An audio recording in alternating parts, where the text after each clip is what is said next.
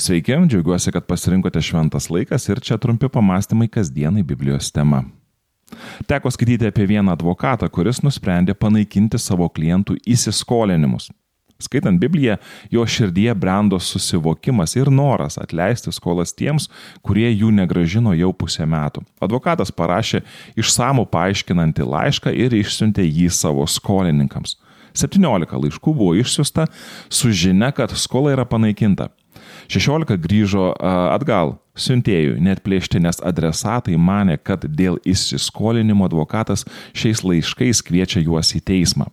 Jie iš baimės net plėšė tų laiškų ir ši baimė sutrukdė jiems priimti atleidimą. Kažkaip dažnai nutinka taip, kad mums yra lengviau patikėti blogą naujieną nei gera.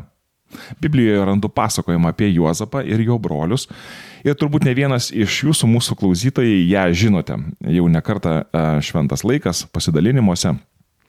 Aš kalbu būtent apie šią šeimą. Broliai pasielgė su Juozapu nejautriai, parduodami jį į vergystę. Tačiau Dievas visą išvedė į gerą ir Juozapas po 13 metų iškilo iki viso Egipto valdytojo pozicijos. Nutiko taip, kad toje geografinėje vietovėje įsigalėjo tokia negailestinga gamtinė nelaimė, jog žmonės vis labiau skurdo ir iškilo grėsmė mirti nuo bado. Juozapo broliai buvo priversti kreiptis į Egiptą pagalbos. Jie net nenujautė, jog tuo metu jį valdė jų brolis Juozapas. Pasakojimas pakankamai ilgas ir detalus, tačiau jis su laiminga pabaiga. Galiausiai Juozapas apreiškia savo broliams savo tapatybę ir visi susitaiko. Biblijos pasakojimas skaitytoje supažindina su jausmingu Juozapo susitikimu su tėvu, kurį mylėjo ir kuris jam buvo visada brangus. Taip pat sužinome, jog broliams su šeimomis leidžiama įsikurti Egipto žemėje ir visi, net faraonas juos svetingai priima. Laiminga pabaiga, žinoma. Tik pasakojimas čia nesibaigia. Toliau skaitome apie Jokūbo mirtį ir tai, kaip broliai įgyvendina paskutinę tėvo valią būti palaidotų ne Egipte, o žemėje, kurią jam ir jo protėviams pažadėjo Dievas. Sūnus išpildo savo tėvo valią ir po laidotuvių grįžta į Egiptą. Toliau skaitau jau iš Biblijos. Juozapo broliai, matydami mirusi tėvą, pradėjo baimintis.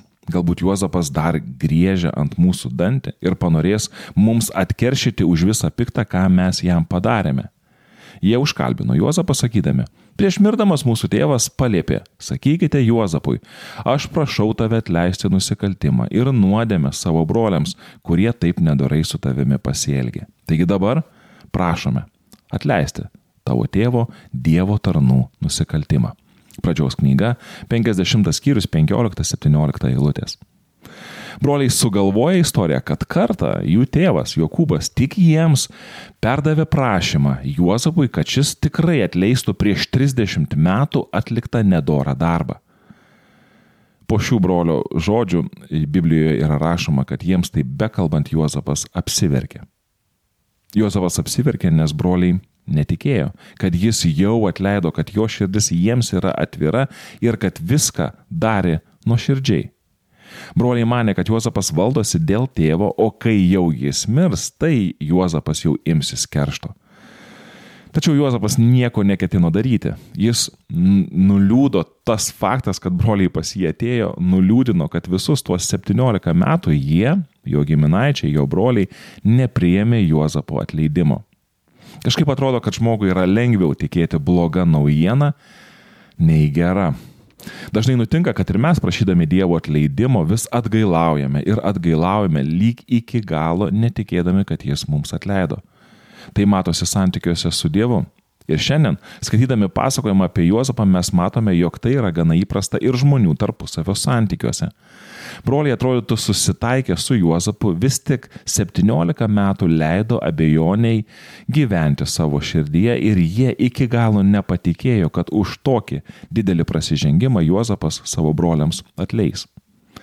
Tai sužinojęs Juozapas verkė ir tada Juozapas pasako kai ką apie save. Nebijokite, kalbėjo Juozapas, nejaugi aš esu Dievo vietoje.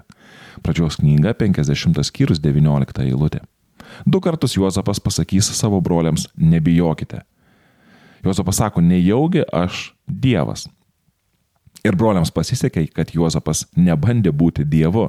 Juozapas paliko Dievui pačiam nuspręsti, kas yra tinkama ir kas ne, kas yra teisinga ir kas ne.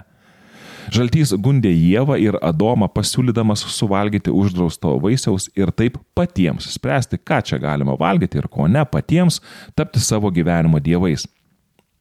Ar galima būtų daryti išvadą, kad daugelis žmonių net leisdami, vad būtent ir bando būti Dievo vietoje. Ir kokie jie dievai?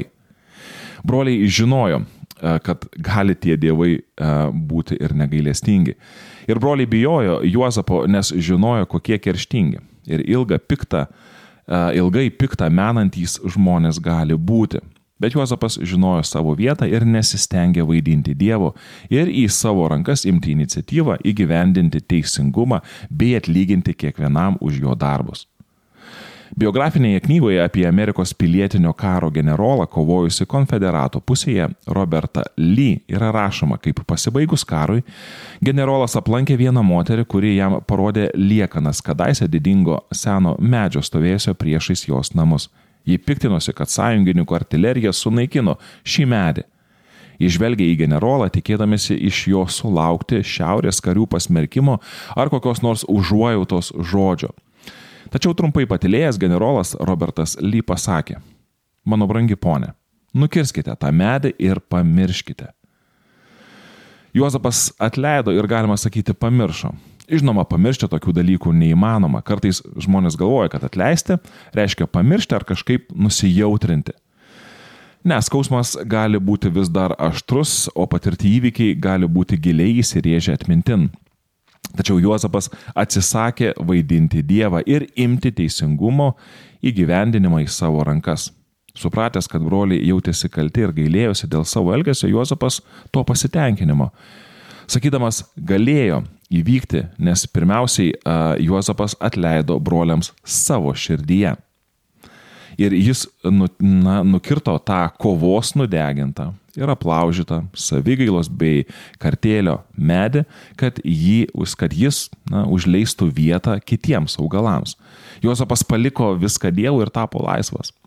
Žinoma, Jozapas dar turėjo ką pasakyti savo broliams, tačiau šiandien aš noriu pasakyti, um, na, jums tik tais tiek, arba jūs palikti su mintimi, saugokime savo širdis nuo įtarumo. Patikėkime kito žmogaus atgailą ir į situaciją pažvelkime Dievo akimis, galų gale paveskime viską Dievui. Tuo reikėjo, na, tuo reikėjo patikėti ir Juozapo broliams. Aš suprantu, kad šis pasakojimas neapima visų įmanomų aplinkybių, į kurias mes galime patekti.